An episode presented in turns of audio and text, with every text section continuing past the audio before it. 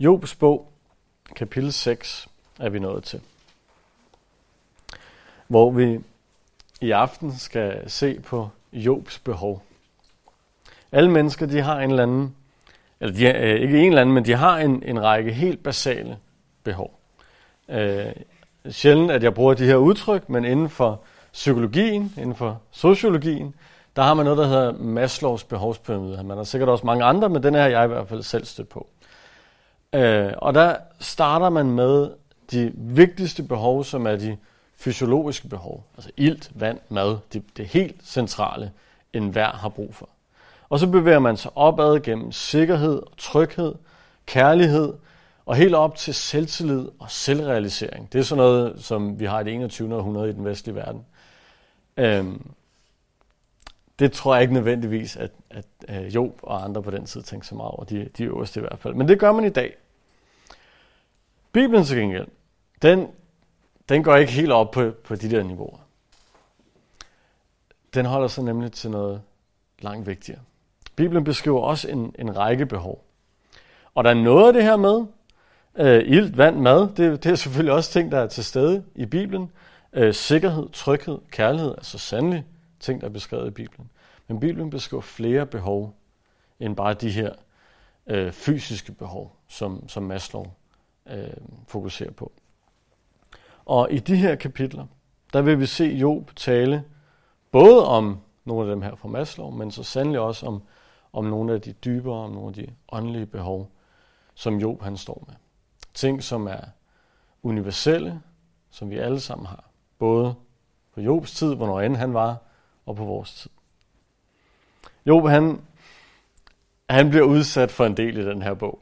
Øh, det håber jeg ikke kommer som nogen overraskelse. Han starter med at miste alle han elsker, og alle sine egen dele i de første par kapitler.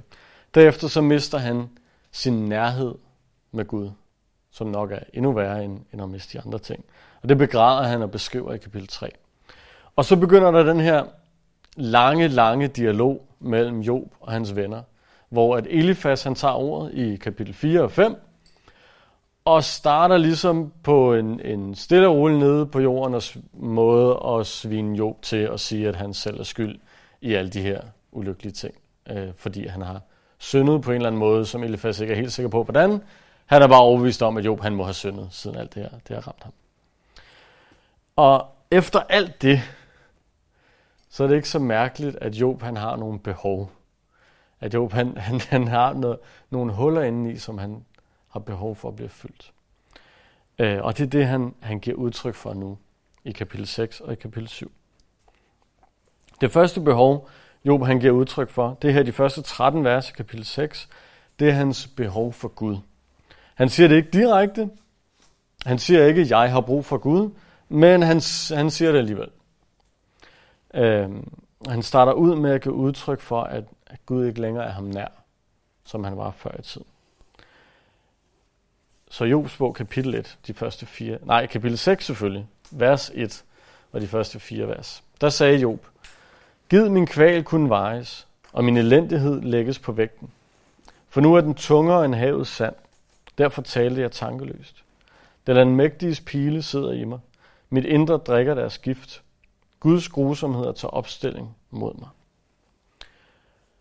Job han føler, at Gud ikke længere er med ham som han tidligere var. Øh, han føler, at, at det vi så i, i kapitel 1, hvor at, at Job han vandrede tæt med Gud, han tilbad Gud, han offrede til Gud, det, det føler han ikke længere er en realitet i hans liv. Han føler, at Gud er væk. Øh, og han er sågar overbevist om, at Gud ikke bare ikke længere er med ham, han er overbevist om, at Gud er decideret imod ham, hvilket selvfølgelig er langt værre. Øh, han, han nævner det her med, at den almægtige pile sidder i mig. Vi taler også om det for et par gange siden, at det er selvfølgelig ikke, fordi Gud han har skudt, skudt fysiske piler afsted og ramt Job øh, med en eller anden form for gift. Det, det er jo Jobs poetiske måde at sige, Gud han er imod mig. Han er ikke bare ikke nær, han er direkte imod mig. Han angriber mig. Og han fortsætter i vers 5. Skriger vildæslet, når det har græs, Brøler oksen, når den har foder. Spiser man fersk mad uden salt? Smager udtræk af katost godt? Jeg nægter at røre det, det er som fordærvet mad. Hans pointe her i, øh, i vers 5, det er, at, at det her vildoksen, eller vild æsel og oksen, de brokker sig ikke, når de har mad. Han skriver, øh, skriger vildæsel, når det har græs, brøler oksen, når den har foder. Så selvfølgelig brokker de sig ikke, de skriger og brøler ikke, når de har deres føde. Fordi så, de, så har de jo fået opfyldt deres behov. Så det han siger er, at hvis de brokker sig, hvis de skriger og brøler, så er det fordi, der er noget galt. Så er det fordi, de mangler noget. Og på samme måde har Job det. At nu, når han i kapitel 3 har brokket sig, så at sige, har decideret skrædet, så er det jo fordi, der er noget galt. Så er det jo ikke fordi, alting er, som det plejer. Han vil ikke beklage sig, hvis alle hans behov var opfyldt. Og så, samtidig så svarer han på det her Elefas har sagt med, at, at det er Jobs egen skyld på grund af en eller anden øh, skjult synd. Han svarer på det ved at sige, at jeg, jeg vil jo ikke brokke mig, hvis det var min egen skyld. Hvis jeg vidste, der var et eller andet, jeg har gjort, som var forkert, så ville jeg jo ikke stå og klage over, at, at jeg havde fået konsekvensen og føle af den synd. Så han, han får både nævnt, at han har et behov, men han får også ligesom indirekte sagt til Elifas, det er forkert, det du siger.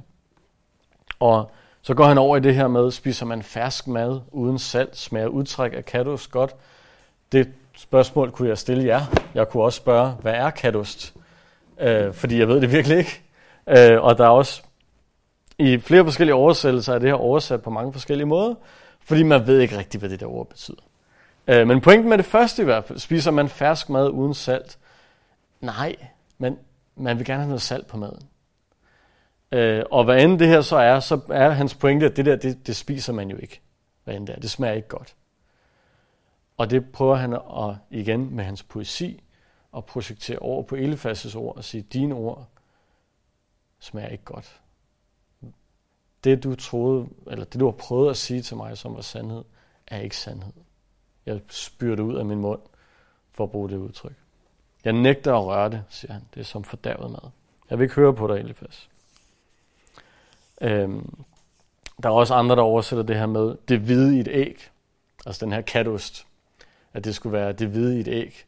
Nu ved jeg ikke, om du nogensinde har prøvet at spise kun det hvide i et æg. Øh, det har jeg. Da jeg var lille knægt, øh, der var jeg så kredsen. Jeg håber ikke, at min dreng bliver det. Men der var jeg så kredsen, at jeg fik, når jeg fik et spejlæg, så skar jeg lige blommen ud og lagde til siden, og så spiste jeg bare æggeviden. Det kunne jeg godt lide. Og så en dag, så tænkte min kære moster, at det er da meget nemmere at så bare købe æggevider, og så lave spejlæg med dem. Så slipper han for, at, og ikke noget med, at det var nemmere for hende, det var nemmere for mig, så slap jeg for at sidde og skære blommen ud. Så hun lavede spejlæg til mig af ren æggehvide. Og ved I, hvad det smagte af? Ingenting. Katost formentlig. Det smagte af ingenting. Fordi når du får et spejlæg, som jeg i dag spiser det hele af, bortset fra skallen, den piller jeg også ud, øhm, så er der smag fra blommen. Så det kan sagtens være, at det er det, det rent faktisk skal oversættes til. Du, det vil du ikke spise alene, for det er usmageligt. Det er som fordærvet mad, som han siger. Måske det er det, det betyder. Pointen er i hvert fald klar. Han gider ikke at smage på det Elifas, han siger. Han er uenig. Og øhm, på grund af det her, så, øhm, så gentager Job noget af det, han sagde i kapitel 3. For han siger så i vers 8, Gid min bøn blev hørt, og Gud vil opfylde mit håb.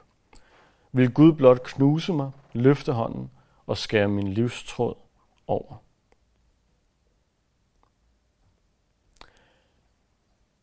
Job sagde også det her kapitel 3, og han siger det igen nu, at han ønsker at dø. Hvis, hvis så bare Elifas' ord havde været sande, så kunne han have taget dem til sig, og kunne have indset, at jeg har en eller anden form for synd, det må jeg omvende mig fra, og så kan jeg leve, kan jeg leve videre, så kan jeg komme tæt på Gud igen.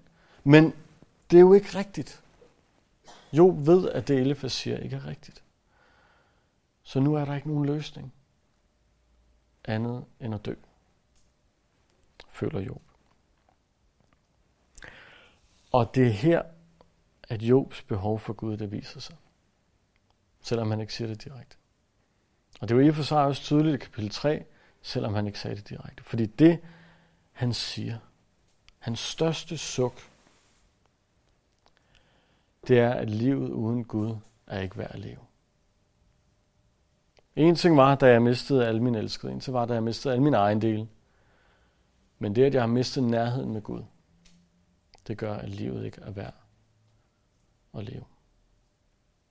Han er desperat uden Gud. Han er fortabt uden Gud. Det Job siger, det er, at det er bedre at være død. Det er sågar bedre aldrig at have eksisteret, end at leve et liv uden Gud. Så det kan godt være, at han ikke siger det direkte, men han siger så sandelig, at han har et behov for Gud. Han har brug for, at Gud er i hans liv. Det piner ham så meget at være uden Gud. Og det, det er det her umættede behov, som er det alt overskyggende jo. Han nævner flere ting, men det er det her. Den manglende nærhed med Gud. Det er det alt overskyggende.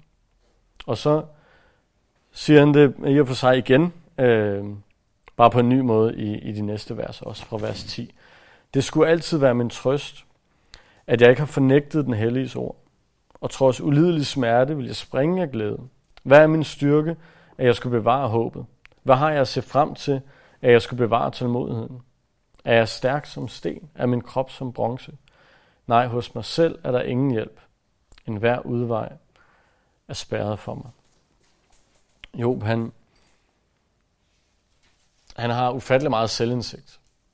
Og han indser her sin egen svaghed i den her situation. Han indser, at han ikke selv, han kan ikke, han kan ikke trække sig selv i nakken og komme op igen. Han har ikke selv styrken til at, at stå det her igennem.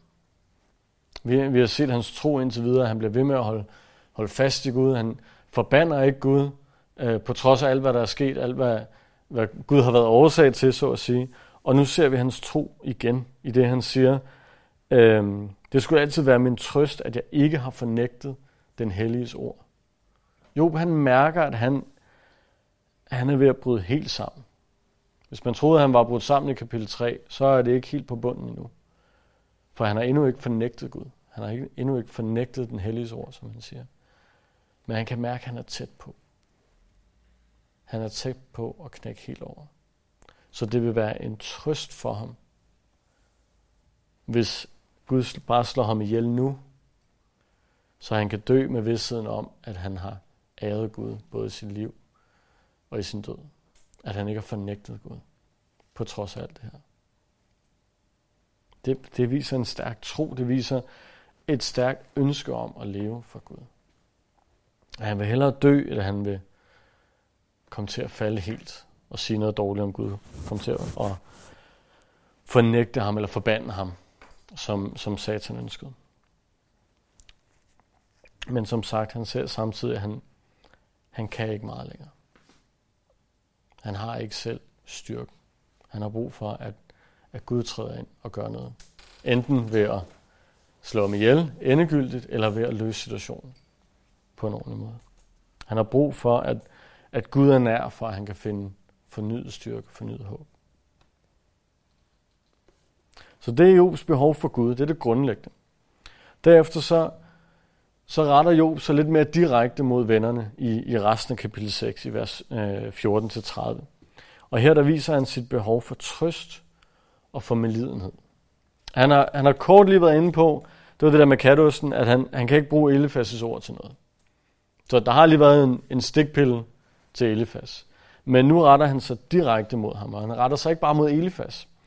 Fordi han bruger ord som I og mine brødre, i det her vers, og han taler til alle tre venner, der er troppet op for at tale til ham. Det er kun Elifas, der har sagt noget indtil videre.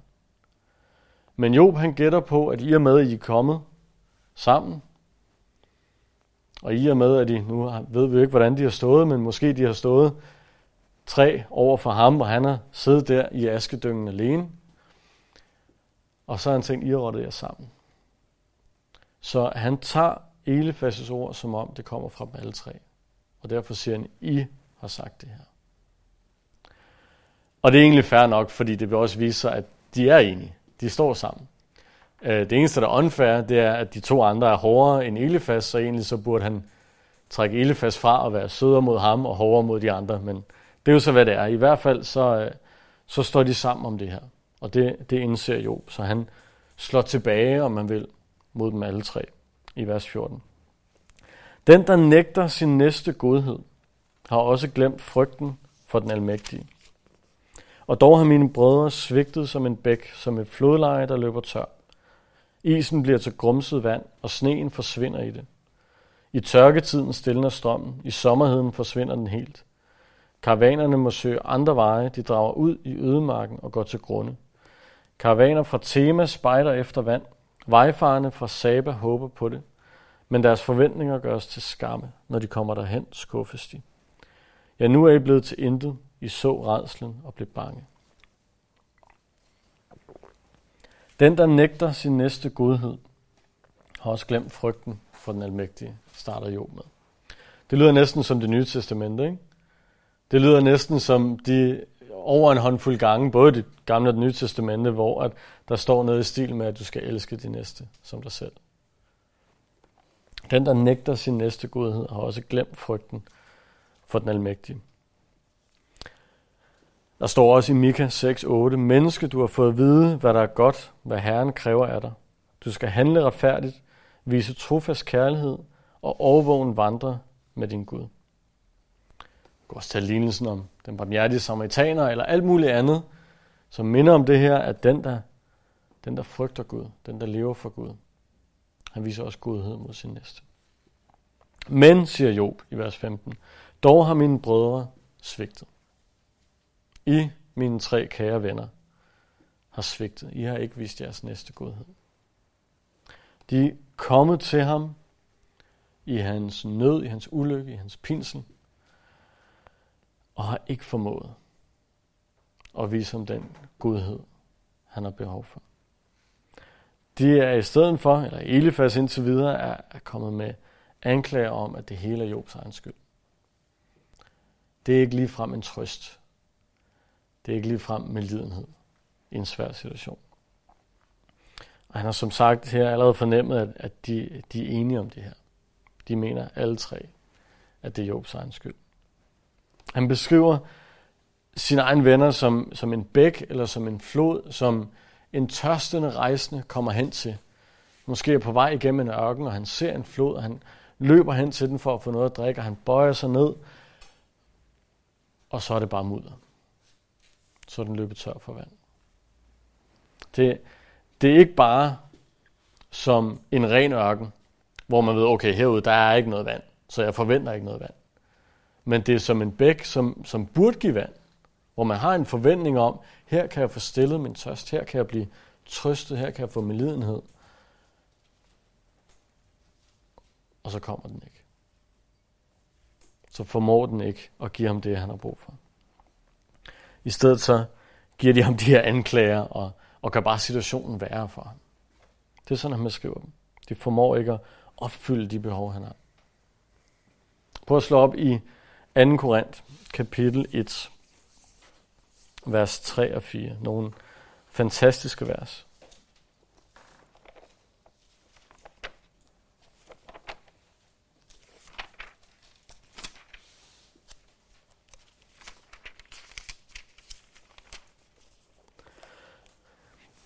2. Korinth, kapitel 1, vers 3 og 4, siger, Lovet være Gud, hvor Herre Jesu Kristi Fader, barmhjertighedens Fader og alt trøsts Gud, som trøster os i al vores trængsel, så vi kan trøste alle dem, der er i trængsel, med den trøst, vi selv trøstes med af Gud.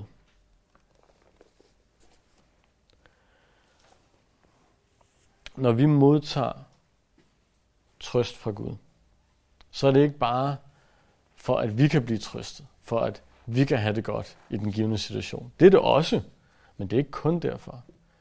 Det er også for, at når vi så møder en, som har brug for trøst, og man, man kan godt have brug for trøst, selvom man ikke har oplevet det, Job har, har oplevet.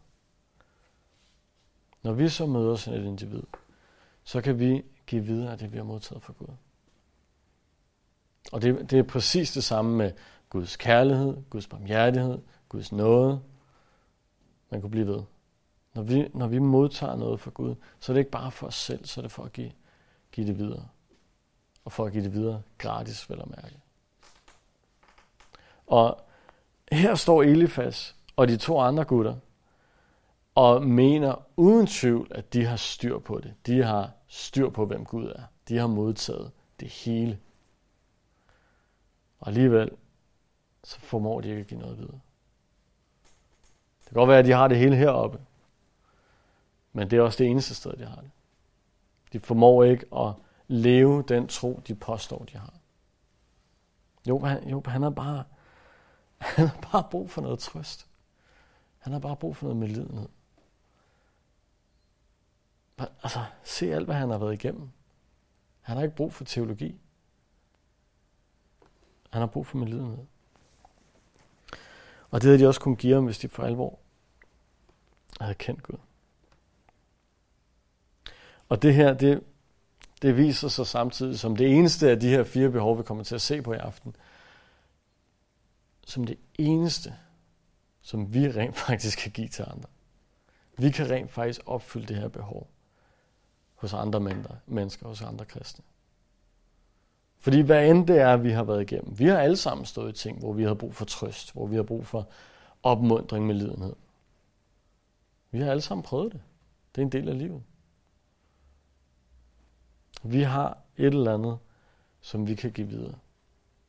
Som vi kan hjælpe andre i nød med. Som vi kan give gratis videre, vel at mærke. Lige så vel som vi har modtaget det gratis. Det er det eneste sted, hvor at vi kan, vi kan træde ind og gøre noget. Ikke fordi vi er alt muligt os selv, men fordi vi har modtaget noget, som Gud ønsker, vi skal give videre. Herefter så fortsætter Job, og han, han er ikke i særlig godt humør. Øh, og, og fair nok, for han er heller ikke blevet behandlet særlig godt af de her venner. Så han fortsætter med at tordne mod dem i, i vers 22. Har jeg nogensinde sagt, giv mig det og det, betal for mig af jeres formue, red mig fra jeres fjender, befri mig fra voldsmænd. Belær mig, så siger jeg stille. Forklar mig, hvor jeg har taget fejl. Oprigtige ord sover ikke mig. Hvordan kan I i rettesætte? Tænker I virkelig på at i rettesætte mine ord? Er den fortvivledes ord, der helt forgæves? I kaster lod om faderløse børn. I købslår om jeres venner. Så se dog på mig. Lyver jeg jer lige op i ansigtet? Tænk om igen. Gør mig ikke uret. Tænk om igen, for retten er stadig på min side. Er der uret på min tunge? Kan min gane ikke fornemme, hvad der er til fordav? Har jeg nogensinde sagt, giv mig det og det, starter han med. Jo, jo, han havde ikke bedt om, han havde ikke bedt om penge, han havde ikke bedt om, om tjenester, han havde ikke bedt om, om, om alt muligt. Han, han havde bare bedt om at blive trøstet. Han havde bare bedt om, at de var det, der stod, de var, nemlig venner. Han havde bare bedt om, at de gjorde det, som der faktisk stod, de kom for at gøre. For at trøste dem. Han ville bare have deres støtte. Og, og sammenlignet med de her andre ting, han beskriver, det er det der er hans pointe, så er det en lille ting at bede om. Det er en lille ting at bede om. Øhm, og så, og så slår han tilbage på dem og siger, I kaster lod om faderløse børn. I købslår om jeres venner. Det har de jo nok ikke gjort. Det er rimelig voldsom anklage at komme med. Øh, man, man kunne forestille sig, at han havde fortalt til Ekstrabladet, at ham herover han gør dit og dat, og så skulle de ikke længere være overborgmester, fordi nu stod det nu engang i avisen. Det er bare et tænkt eksempel, men han, han kaster noget tilbage i hovedet, fordi det var det, de gjorde. De kom også med ting uden beviser. Det kan, og så siger han sågar, belær mig, så siger jeg stille. Det kan godt være, at jeg har gjort noget forkert, så lad os snakke om det. Det er jo den rigtige måde at gøre det på. Så fortæl mig, hvad det er. Forklar mig det. Han siger det igen og igen. Belær mig. Forklar mig. Lyver jeg. Tænk om igen. Det, det er sådan hans argumentation. Så han, han, han får både gengæld, kan man sige, som jeg sagde til, at han slår tilbage ved at, at smide et eller andet tilfældigt i hovedet på dem. I har bare gjort det her. Agtigt. Det bliver sådan lidt barnligt, ikke? Men samtidig får han også sagt, jamen, lad os snakke om det. Og, og, og, og det viser også hans hjerte i alt det her. Han, han vil gerne vide det, hvis han har gjort noget forkert. Han vil gerne rettes, hvis der er et eller andet, som han ikke vidste var forkert. I, I husker måske i starten, at han, at han offrede til Gud. Ikke bare på egne vegne, men på sine børns vegne, hvis nu de skulle være kommet til at gøre noget, som var forkert, som havde brug for et offer. Selv det offrede han for. Og det er den samme Job, der står her nu og siger, jeg har kigget, jeg har kigget igennem, jeg har kigget mig i spejlet, eller i potteskåret, og, og jeg kunne ikke se noget. Men hvis det er der, så fortæl mig det.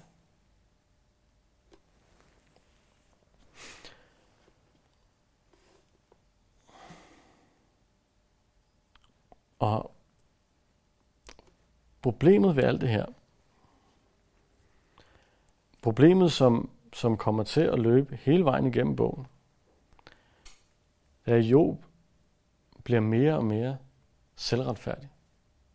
Han siger her til sidst, er der uret på min tunge? Tænk om igen, for retten er stadig på min side. Job ved godt, at han ikke er perfekt. Men han ved også, at lige i den her situation, der er det ikke hans egen skyld. Og så siger vennerne, det er din egen skyld. Og så siger han, nej, det er ej. Og så siger de, jo, det er. Og så går der børnehave i den. Men det gør bare, at Job bliver, står endnu mere fast på, jeg er ren. Jeg har ikke gjort noget.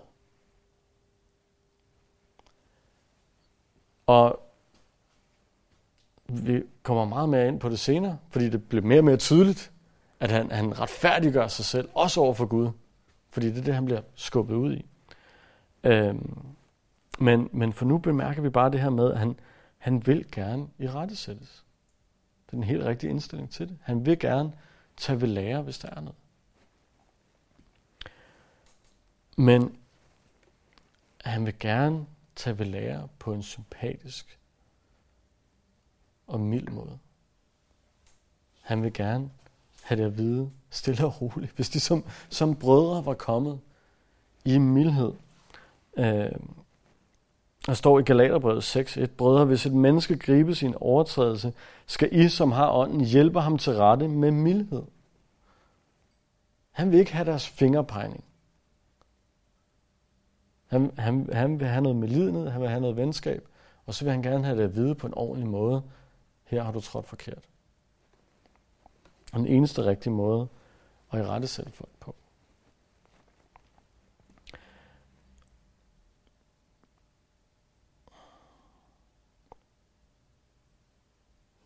Ja, det, det er det behov, han viser. Så, han står sådan lidt i en, i en kamp med sig selv. At han vil både gerne svine dem til, men han vil også gerne have en ordentlig samtale i gang. Men egentlig så, så vil han også bare gerne have, at, at de trøster ham. Det, det er en kæmpe følelsesmæssig kamp, han har. Hvad, hvad er det egentlig, der foregår inde i mig? Derefter i, i kapitel 7, så vender han sig mere direkte mod Gud. Nu, før i tiden, der har han sagt I og mine brødre, eller i hvert fald de her, i de her vers, og nu kommer han mere specifikt til at sige du, talende specifikt til Gud. Og i de første 16 vers i kapitel 7, der ser vi hans behov for håb. Vi starter i de første seks vers i kapitel 7. Der står, at menneskets lod på jorden ikke hoveri, er hans liv ikke som daglejrens, som trallen, der sukker efter skygge, som daglejeren, der venter på sin løn. Sådan er min lod blevet måneder i tomhed, og min skæbne netter i elendighed. Så snart jeg har lagt mig, tænker jeg, hvornår kan jeg stå op? Aftenen bliver lang, og til daggry plages jeg af uro. Min krop er dækket af madker og skorper. Min hud sprækker og væsker. Hurtigere end skytlen far mine dage afsted. De svinder hen uden håb. Job, han, han starter med at kigge opad mod Gud. Og så siger han, mit liv er tomhed. Mit liv er håbløst. Han har det, beskriver han som, som en træl eller som en slave, som arbejder hele dagen lang og kun har en, en lille bitte øh, fornøjelse, en lille bitte fortjeneste at se frem til sidst på dagen. Øh, eneste forskel på, på ham og så daglejeren, det er, at hans lidelse har varet i måneder, beskriver han. Og efter måneder har han stadig ikke fået en fortjeneste, en, en trøst, et eller andet, der gav, der gav ham håb og mening med, med al den her lidelse. Han beskriver også nogle af de her lidelser, øh, blandt andet søvnløshed og hvad man mildt sagt kan sige er, er voldsomme hudproblemer med, med en krop, der er dækket af madker og skorper og en hud, som sprækker og væsker. Øh, jeg ved ikke, hvad I laver i jeres fritid, men nogen vil måske synes, det her var da meget spændende. Det kunne godt tænkes. Øh, men det er, det, for, det er jo spændende, fordi det er ekstremt. Og det, jo, han beskriver jo den ekstreme situation, han står i. Øh, og hvor, hvor store hans lidelser de er. Og så fortsætter han i vers 7. Betænk, at mit liv er et pust. Aldrig mere får jeg glæden at se. Og der ser mig, får mig ikke mere at se. Retter du dit øje mod mig, er jeg der ikke. Skyer spredes og forsvinder. Den, der går ned i dødsriget, kommer ikke op igen. Han kommer aldrig mere hjem. Hvor han boede, ser man ham ikke mere. Jeg vil ikke holde mine ord tilbage. Jeg vil tale ud af mit forpinte sind. Klage i min fortvivlelse. Er der havet eller dragen, siden du sætter vagt over mig? Når jeg tænker, min seng skal give mig trøst, mit leje skal lette min klage, så forfærder du mig med drømme og overfalder mig med syne. Der ønsker jeg, at jeg var kvalt. Hellere døden end disse lidelser. Jeg kan ikke mere. Jeg vil ikke blive ved at leve. Lad mig være mit liv af tomhed. Jo, han, han fortsætter med at beklage sig direkte til Gud. Han siger du øh, flere gange. Og han føler, at, at Gud har uretmæssigt sat vagt omkring ham. Det vil sige, holder et ekstra godt øje med ham. Der er to måder at sætte vagt omkring nogen. Det her det er den negative måde. Han føler, at, at Gud er efter ham. Og, og lige så snart, at han, han får øje på bare en, en lille smule godt, øh, så forfærder Gud ham i det her tilfælde med, med drømme og syner. Det vil sige, han har lige beskrevet øh, at aftenen bliver lang, tilbage i vers 4, aftenen bliver lang, og til daggry plage og uro. Han kan ikke falde i søvn. Og så siger han nu her, at, at lige så snart han er bare tæt på, så får jeg et eller andet mareridt, så jeg vågner igen, og det er din skyld, Gud, det er dig, der giver mig det. Det er sådan, han udtrykker sig. Og så siger, siger han, er jeg der havet eller dragen, som jeg i hvert fald tror er en reference tilbage til det her øh, mytologiske søuhyre, Leviathan, som blev beskrevet tidligere, som er et billede på Satan. Så, så det, han, det han i virkeligheden siger til Gud, det er, er, er jeg Satan? Er jeg den rene ondskab, siden du behandler mig sådan her? Han føler, at, at Gud er så hård ved ham, at han lige så godt kunne være den reneste ondskab.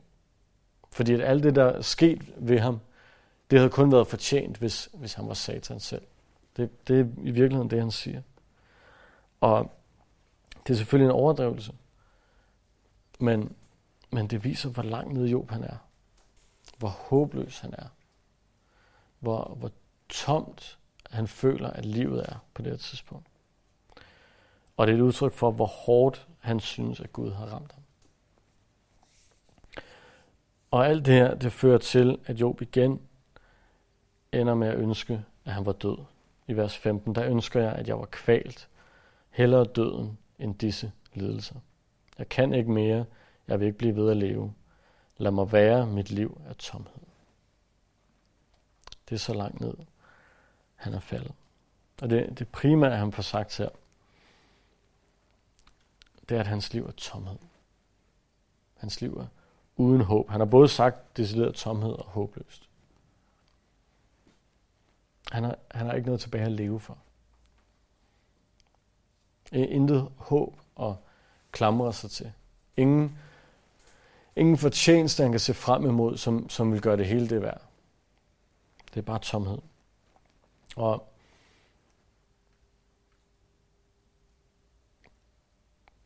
det, det er et behov, vi alle sammen har. Det der med, at der er noget at leve for. At der er et håb, noget at se frem til.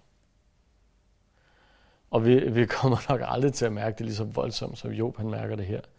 Vi kommer aldrig til at være så dybt, som han er her. Men det, det er jo det ekstreme tilfælde for, for at vise, hvor vigtigt det er. Vi kommer aldrig til at synge den sang, vi lige har sunget, på den måde, som Job han kunne synge den sang, vi lige har sunget.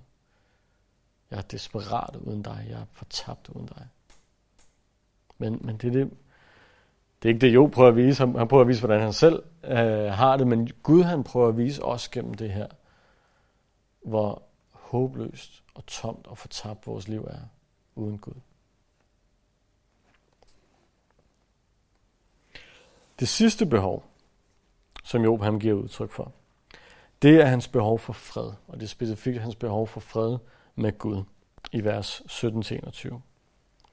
Hvad er et menneske, at du agter ham højt, og retter din opmærksomhed mod ham, når du hver morgen straffer ham, og hvert øjeblik sender ham prøvelser? Hvornår vender du blikket fra mig, og lader mig i fred, så jeg kan synke mit spyt?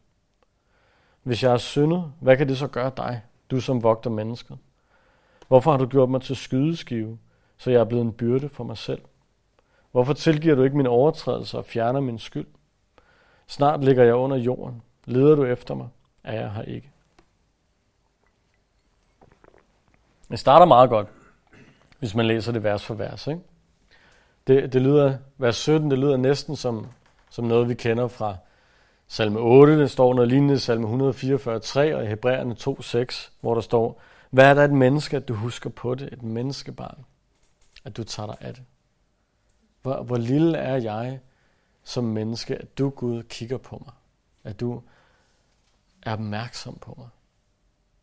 At du går op i, nej, hvad er det, der står? Hvad er et menneske, at du agter ham højt og retter din opmærksomhed mod ham, når du hver morgen straffer ham, og hvert øjeblik sender ham prøvelser? Job, han havde en anden opfattelse end salmisten. Job, han følte ikke, at Guds blik på ham var som en højt ophøjet konge, som barmhjertigt kiggede ned mod en undersåt, som ikke var noget som helst værd, men som, som han alligevel i sin godhed og sin storhed rækker sig ned imod for at være sammen med. Det var ikke sådan, Job så det. Han så en højt ophøjet konge, som ikke burde tage sig af sin gemene, luskede undersåt, men alligevel, bare fordi han kunne, kunne han godt lige strække foden ud og kvæse ham lidt mere, når nu han var i gang. Det er sådan, Job han ser det. Du er så højt ophøjet. Hvorfor har du dog lyst til at træde mere på mig? Og så fortsætter han med at spørge, hvornår Gud vil lade ham være i fred. Bare lige for et øjeblik. Han siger, bare, bare så jeg kan synke mit spyt. Det er et meget kort øjeblik. Men, men, men selv det vil han sætte pris på. Hvad, hvad forskel gør det? Hvis jeg har syndet, hvad kan det så gøre dig? Hvad forskel gør det, at jeg har syndet? Mit, mit liv er intet i forhold til, til dig, i forhold til din storhed og uendelighed. Så hvad forskel gør det? Kan du ikke være ligeglad? Kan du ikke bare lade mig være i fred? Jo, han, han giver en udtryk for, at han, han ønsker fred fra Gud. Men jeg tror i virkeligheden, at det, det han ønsker, det er fred med Gud. Jeg tror, at jeg tror i virkeligheden, at, at Job står i præcis den samme situation, som Martin Luther gjorde inden reformationen. Fordi Job, han, han tror, han er i et forhold med Gud, hvor at Gud han, han straffer ham, sågar for nogle synder, han ikke engang har begået, hvis det så bare var for noget, han havde begået. Ikke? Han, han straffer ham, han nedgør ham, og, og det er alt sammen bare for sjov, fordi det gør ikke nogen forskel for Gud. Han gør det bare fordi, hvorfor ikke? Han, han tror, han har et forhold med Gud, hvor, hvor Gud han har skabt en skabning, bare for at han kan sidde og være ophøjet over sin skabning og sige, se hvor stor jeg er i forhold til jer, fordi jeg har skabt jer mindre, så kan I lære det. Det er der Jo tror, han er. Han tror, at, at Gud han bare sidder og venter på, at der er nogen, der har det sjovt, fordi så kan han stoppe det. Det var præcis der, Martin Luther var. Han troede også bare, at Gud han sad og var retfærdig, og så tværede han sin retfærdighed ud i ansigtet på mennesker, som også bare var nogle syndere. Men så forstod Martin Luther evangeliet. Så, så fandt han ud af, hvad det var, Gud prøvede at sige. Og han fandt ud af akkurat det, som, som Job har brug for at finde ud af. At vi i virkeligheden er et forhold med Gud, som, med en Gud, som ønsker at trække os tættere på. Som, som netop ønsker, at vi skal sige, som salme 8 gjorde. Ikke, hvordan kan det være, at du træder på mig, men hvordan kan det være, at du ønsker nærhed med mig? Hvordan kan det være, at du er opmærksom på mig, når jeg er så meget lavere end dig? Det er den Gud, vi tjener. Og det er den Gud, som Job har brug for at opdage. Fordi det interessante ved Job, det er, at langt hen ad vejen, så har han den samme teologi som de tre venner. Han har den samme teologi om, at hvis du har syndet, så bliver du forbandet af Gud. Mere eller mindre med det samme. Og hvis du har været en god lille dreng, så får du gaver til jul af Gud. Det var det, Elifas han kom med. Og, og Job han går i den samme tanke. Og det er det, der frustrerer ham. Fordi han ved jo, at han ikke har syndet. Så han er overbevist om, at alt det her, det må være fordi, at Gud han har forladt ham. Og hvis ret skal være ret, han har ikke læst de første to kapitler, som vi har. Han ved ikke, hvad der er, der foregår bag scenerne. Han ved ikke, at det er en, at det er en prøvelse. Han ved ikke, hvad der er, der foregår. Øhm, men, men han bliver fanget af den her fantastisk ulidelige teologi om, om karma, om, om øh, den her herlighedsteologi, prosperity gospel, som man kalder det. Han er overbevist om, at ligesom vennerne, at, at Gud han må have gjort det her af en årsag i mig. Det må være fordi, at Gud har forladt mig, at han nu er efter mig på den her måde. Og derfor så, så kan han ikke, han kan ikke overskue, hvad det betyder at være i et forhold til Gud, fordi det, det er for meget for ham. Så han giver udtryk for, at han vil have fred fra Gud, men jeg tror i virkeligheden, at han ønsker fred med Gud. Han ønsker, som han også sagde i begyndelsen, han ønsker den her nærhed med Gud. Så Job han har vist et behov, først og fremmest for Gud. I det han sagde, at han ville hellere dø, end han ville leve uden Gud. Øh, og han har også sagt, at han ikke kunne klare det selv. Han kunne ikke klare det her på egen hånd. Så har han vist et behov for trøst og for medlidenhed, da han sagde, at, at hans venner ikke havde givet ham det, da han havde brug for det. Han har vist et behov for håb i det, hans liv var tomt, håbløst, meningsløst. Og så har han vist et behov for fred med Gud, fordi han tror, at Gud han er imod ham. Han tror, at deres, deres forhold er brudt. Og det, det som Job i virkeligheden mangler, det som kan opfylde hans behov, det har jeg nok allerede gættet. Det er en, som forstår ham. Det er en, som kender hans smerte, som har medlidenhed. Både med hans smerte og hans prøvelse og den situation, han står i. Han har brug for en, som både ser og forstår hans svagheder, som ser og forstår hans, hans synd. En, som, som ser alle de her ting uden at anklage ham for den synd. Han har brug for en, som formår at give ham håb. En, som giver ham mening med livet. En, som giver ham noget at se frem til. Han har i virkeligheden brug for en, som kan være mellemmand mellem ham og Gud. Så han kan forstå, hvad der er, der foregår. Så han kan få den her nærhed til Gud igen. Det er det, han beskriver. Og i Hebræerne, kapitel 4, vers 14, står der, Da vi nu har en stor ypperste præst, som er steget op igennem himlene, Jesus, Guds søn, så lad os holde fast ved den bekendelse. For vi har ikke en ypperste præst, der ikke kan have medfølelse med vores skrøbeligheder, men en, der er blevet fristet i alle ting, ligesom vi, dog uden synd. Lad os altså med frimodighed træde frem for nådens trone, for at vi kan få barmhjertighed og finde noget til hjælp i rette tid. Og du har allerede gættet de næste par linjer, jeg kommer med. Men jeg tror, vi har brug for at blive påmindet om det her. Og jeg kender jer alle sammen. Jeg ved nogenlunde, hvor I står i livet. Jeg ved, I ikke har det, som Job har det. Men jeg ved også godt, at nogle gange, så har vi det lidt derhen af.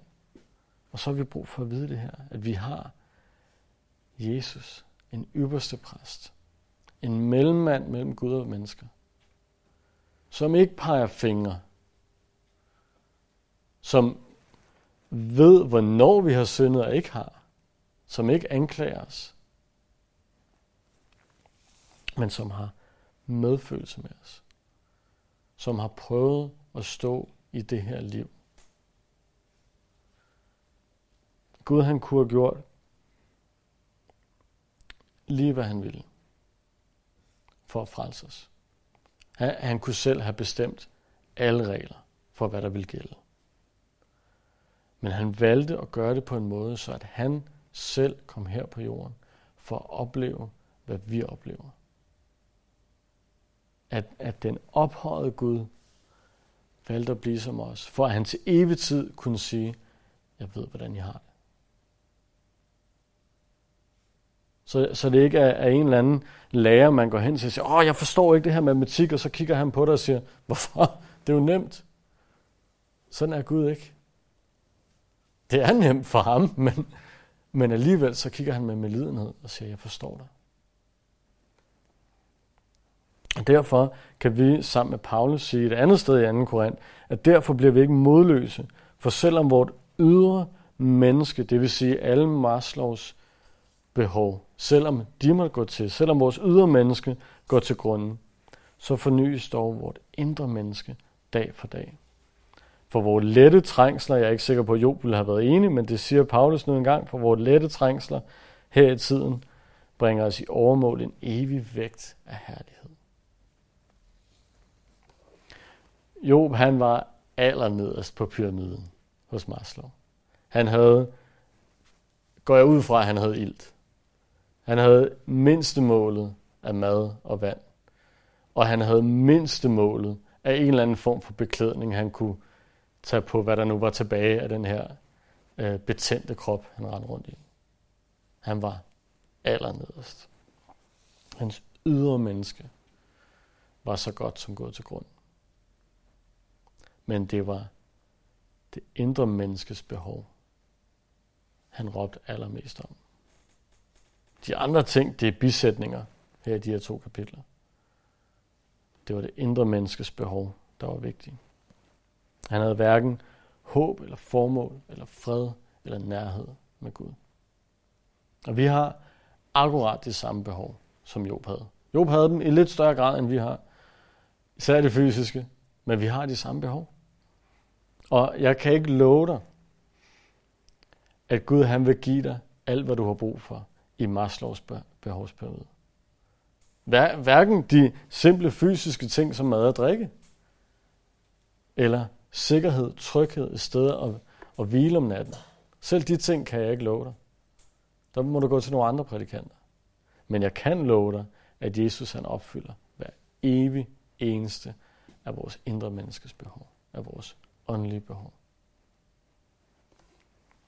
Han er den eneste, som kan give fred med Gud. Som kan give et vedvarende håb. Som kan give en, en ægte trøst og medlidenhed. Og så er han Gud selv og kan opfylde det behov. Og de ting, han giver, er ikke bare for resten af ugen. Det er ikke bare løfter for den næste valgperiode. Det er ikke bare indtil den næste sladderbladets artikel får slået ham ned igen. Det er et evigt løfte, han giver os. Lad os bede. Jesus, tak, at, at vi kan blive mindet om det her. Her det er derfor, vi kommer onsdag efter onsdag. Vi kender dig, vi ved, hvem du er, men, men vi har brug for mere af dig, Jesus. Vi er i sandhed fortabte og desperate uden dig.